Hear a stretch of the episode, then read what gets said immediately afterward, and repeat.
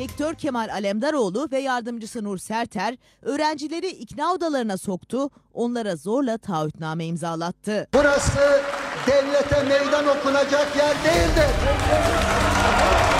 Lütfen bu hanıma haddini bildiriniz. Yaklaşık 50 öğrenci yanlarında 7 öğretmenle birlikte camiye gidiyor. Kimi caminin içine giriyor, kimi de avluda bekliyor. Yere halılar seriliyor, takkeler takılıyor. Mesleğinizi uygularken ya da özel yaşamınızda bilimin kılavuzu dışında hiçbir kılavuz tanımayacağınıza da aynı şekilde inanıyorum. Bütün üniversitede hiç e, başı örtülü e, öğrenci yoktu. Sonra biliyorsunuz ilk defa Şule Yüksel e, ilginç bir baş bağlama biçimiyle bunun sembolü olarak ortaya çıktı. Evet, bir zamanların Türkiye'sinde kamusal alan özgürlüklerin izole edildiği bir alana dönüşmüştü. Devlet daireleri, askeriye, okullar, sosyal tesisler. Hepsi de kısıtlayıcı kurallara tabi mekanlardı. Bütün bu alanlarda başörtülü bir şekilde bulunmak yasaktı. Bugünkü özgürlüklere kavuşulmasının altında yatan ilk mücadelenin hikayesi ise bir dava insanının hayat hikayesinde gizli. İstanbul Üniversitesi Rektör Yardımcısı aynı zamanda ikna odalarının mucidi Nur Serter'in de dediği gibi Cumhuriyet sonrası ilk defa başörtümeyi Şule Yüksel Şenler sembol haline getirmişti. 60'lı yıllarda kılık ve kıyafet düzenlemesinin de etkisiyle sokaklarda başörtülü kimse yok denecek kadar az kalmıştı. Başını örtmek modern dışı olarak algılandığı gibi kent yaşamında olmaması gereken bir şeydi. Bu algıyı kıran ve Müslüman kadının sosyal hayatta dini kimliğiyle varoluşu için tek başına ve yalnız mücadele veren isimse Şule Yüksel Şenler'di. Biraz da yalnız bir kadındı. O dönem e, İslami kesimden destek olanlar olsa da herkes çekiniyor. Yani kimse öyle çok da fazla destek de vermiyor açıkçası. Sonraki hayatında da seçili dostları vardı etrafında benim gördüğüm.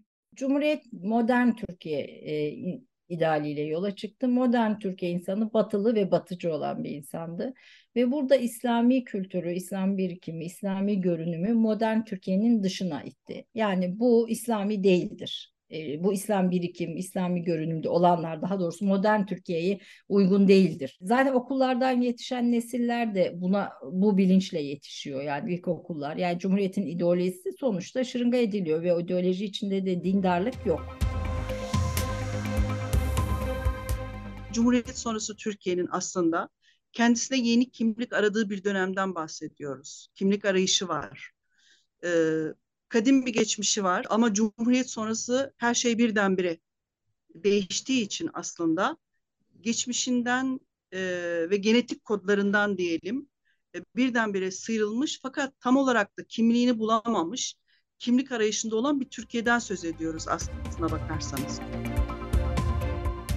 Mesela yine Cemal Öğüt'ü bilirsiniz ilahiyatların kurucularındandır. Onun eşini ben tanımıştım. 10 yıl hiç evden dışarı çıkmamıştı. Çünkü e, başörtüsü yani kıyafetiyle çıkması mümkün değildi. Hani bu da kontrollü bir dindarlık ama kamusal alanda, üniversitede, çalışma hayatında görünen yerde, gazetelerde orada burada başörtülü hiç kadın yok. Yani Yok sanki ama ev ev e, kendi özel hayatlarında elbette varlar. Bir de bunun için İsmail Kara'nın e, bir mesele Cumhuriyet Türkiye'sini bir mesele olarak İslam kitabını öneririm dinleyicilerimiz için. Şule Yüksel'in davasını, yalnızlığını ve yaşadığı dönemin toplumsal durumunu gazeteci ve milletvekili Ayşe Böhürler'le yazar Müzeyyen Taşçı bu şekilde tarif ediyor. Yine Şule Yüksel Şenler'in konferanslarına katılan o dönem gençlerinden Şükran Karaduman, Ankara sokaklarındaki başörtülü görünümünü şöyle ifade ediyor. Ya şöyle, e, mesela biz Kızılay'a gittiğimiz zaman 10-15 kişiydi. Onlar da herkes birbirini tanırdı. O kadar da öyleydi yani. Yoktu. Mesela ilahiyatçı vardı. Hatice Babacan vardı. 60'larda başörtülü e, şeyler gündeme gelmeye başlıyor. İlk Hatice Babacan 63'te İlahiyat Fakültesinde e, başörtüsü örtmek istiyor. Şule Yüksel yine ondan sonraki işte 61 70'lere doğru daha ön plana çıkıyor. Annesi Ümran Hanım ve babası Tahsin Bey teyze çocuklarıdır. Şenler ailesi Cumhuriyet'in ideallerine ve gerekliliklerine uygun bir tarzda modern bir hayat yaşamış ve evlatlarını da o şekilde yetiştirmişlerdir. Bu atmosfer içinde tabii o modern hayatın icaplarına göre yetiştirildik. Ee, danslar, balolar vesaireye kadar. Fakat e, yani o hayattan çok memnunduk. Farkında değildik. Yine tırnak içinde modern bir ailede, e, kimyager bir babanın kızı, e, çok sosyal bir genç kız. İşte şan dersleri alıyor, piyano dersleri alıyor. E, sinemalara gidiyor, tiyatrolara gidiyor, denize gidiyor. E, tam anlamıyla yeni Türkiye'nin yeni çehresine sahip e, Avrupalı, batılı bir genç kız. Aslen Kıbrıslı olan Şenler, Kayseri'den sonra ailesiyle birlikte İstanbul'a taşınır. Annesinin rahatsızlığı nedeniyle eğitimini ortaokulda bırakır ve bir terzinin yanında çalışmaya başlar. Terzilik mesleği daha sonraki yıllarda başörtüsü modelleri çizmesine ve kendi kıyafetlerini ve tarzını tasarlamasına da yardımcı olacaktır. El becerisi de e, iyiydi Şule Yüksel Şenler'in. Oturuyor, moda dergilerini karıştırıyor. Avrupa'dan gelen moda dergilerini karıştırıyor. Ve bir uyarlama yaparak o günlerde Şulebaşı diye meşhur olan o başörtü modelini e, çizerek dikiyor eliyle. Şule Yüksel Şenler cesur ve atılgan bir hanımefendi olarak bilinir. 1950'li yıllarda Rumların Kıbrıslı Türklere yaptıkları zulümlere karşılık Kıbrıslı bir genç olarak mitinglerde halkı coşturan konuşmalar yapar. Kıbrıs Türktür, Türk kalacak sloganlarıyla kitleleri harekete geçirir.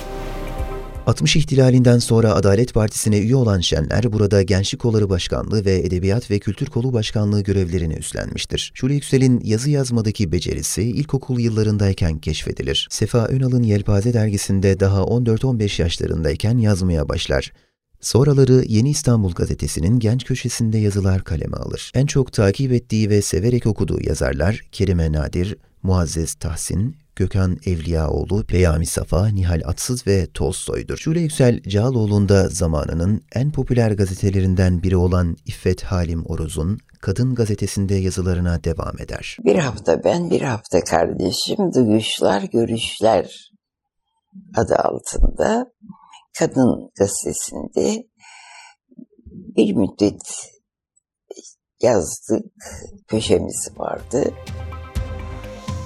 Ancak fikir ayrılıkları nedeniyle aralarında anlaşmazlıklar başlar. Biz her ne kadar modern görünüşteysek de e, yine de yani eski zaman kızları diye ad- adlandırılırdık. E, oturuşumuz, kalkışımız, hatta fikirlerimiz.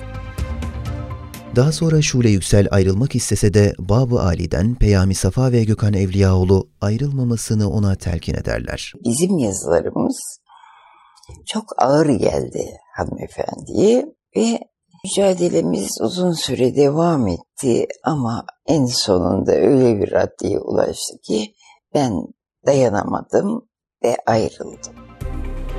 Şule Yüksel bu ayrılık sonrası yazarlığa iki yıl ara verir ve abisinin arzusu üzerine bu zaman zarfında Risale-i Nur sohbetlerine iştirak eder.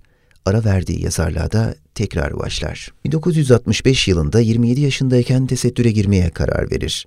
Şule Yüksel, edebiyatçı yazar Müzeyyen Taşçı'ya verdiği röportajda tesettüre girerkenki duygularını şöyle ifade eder. Şöyle anlatmıştı. Baktım yavrucuğum dedi. Yani örtünmek dediğin zaman gerici hanımların e, başlarını örttükleri işte sıkma baş denilen kasabalarda Yemeniler örten hanımlar ya da şehirde yaşları büyük olup da başlarını önden açık bırakıp e, çene altlarından kelebek bağlayan hanımlar. E, onun dışında e, örtü diye bir şey yok. Yani böyle bir alışkanlık yok. Öyle yapmalıyım ki dedim. Bu geleneksel algıyı yıkacak. Aynı zamanda e, kabul görecek, e, sempati duyulacak bir şey yapayım diyor. Tesettüre girmeden önceki 27 yılını bir gaflet dönemi olarak anlatır Şenler. Aşağı yukarı 25 yılım benim gaflet e, dönemim diye adlandırdığım e, şekilde gaflet içinde geçti. Yani hakikatleri göremeyen insan cidden gafletti.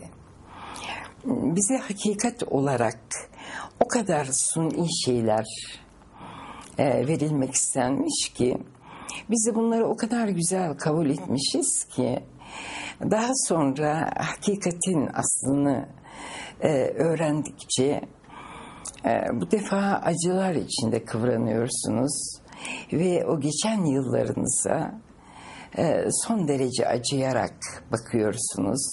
Heba olmuş yıllar olarak bakıyorsunuz. Daha sonra elhamdülillah Allah'ın büyük bir lütfuyla e, hayatımın hidayetle çiçeklendiğini görüyorum. Hakikaten. Ve sonrasında Şule Yüksel hakikatin neden insanlara anlatılmadığı hakkında düşünür ve Anadolu'nun tüm şehirlerine gideceği konferanslarına başlar. İlk konferans teklifini Samsun'dan alır. Gönlüm adeta alev alev yanarak neden neden ben bugün öğreniyorum bunları ve bizim nesle neden bunlar anlatılmıyor? Camilerde e, görevliler e, bazılarında evet belki bahsediyorlar ama zaten camiye gelen kadınlarımız o zamanın ekseri yaşlı tesettürlü hanımları. Yani açık bir hanımın camiye gelip bunları öğrenmesi mümkün değil. O günlerde Diyanet İşleri Başkanlığı'ndan bir sertifikayla camilerde vaaz yapması teklif edilir. Şule Yüksel bunu reddederek klasik bir cami vaazı yerine konferanslarla cami dışındaki kitleye de ulaşmak istediğini ifade eder. Ben halkımı tanıyorum. Kompleks içindi zaten. Camide konuştuğum takdirde ismim Hoca Hanım olacak. Hoca Hanım olunca da camiye asili hanım ve genç kızlar gelmeyecek. Ee, ben konferans vermek istiyorum. Konferanslar Türkiye'de büyük yankı bulmuş, her kesimden genç ve yaşlılar tarafından ilgiyle takip edilmişti. Müzeyyen Hanım konferans salonundaki atmosferi şöyle aktarıyor. Homojen bir topluluk yok. Yani bir, bir yönüyle mevlüte gelmiş gibi yarı buçuk başörtü bağlamış gelmiş hanımlar var. Bir yönüyle o günün o tırnak içindeki modern görünümlü, kürklü, abartılı kıyafetli hanımları var. Ee, köyünden, kasabasından o şehre bu konferansı dinlemek için şalvarıyla, örtüsüyle, atkısıyla gelen hanımlar var. Yani salonun içi birbirinden tamamen farklı e, görüntülerle dolu. Şule Yüksel Şenler'in konferansları aynı zamanda yeni yetişen tesettürlü genç erkek ve genç kadınların da hayatlarını birleştirmelerine vesile olan bir yer olmuştu.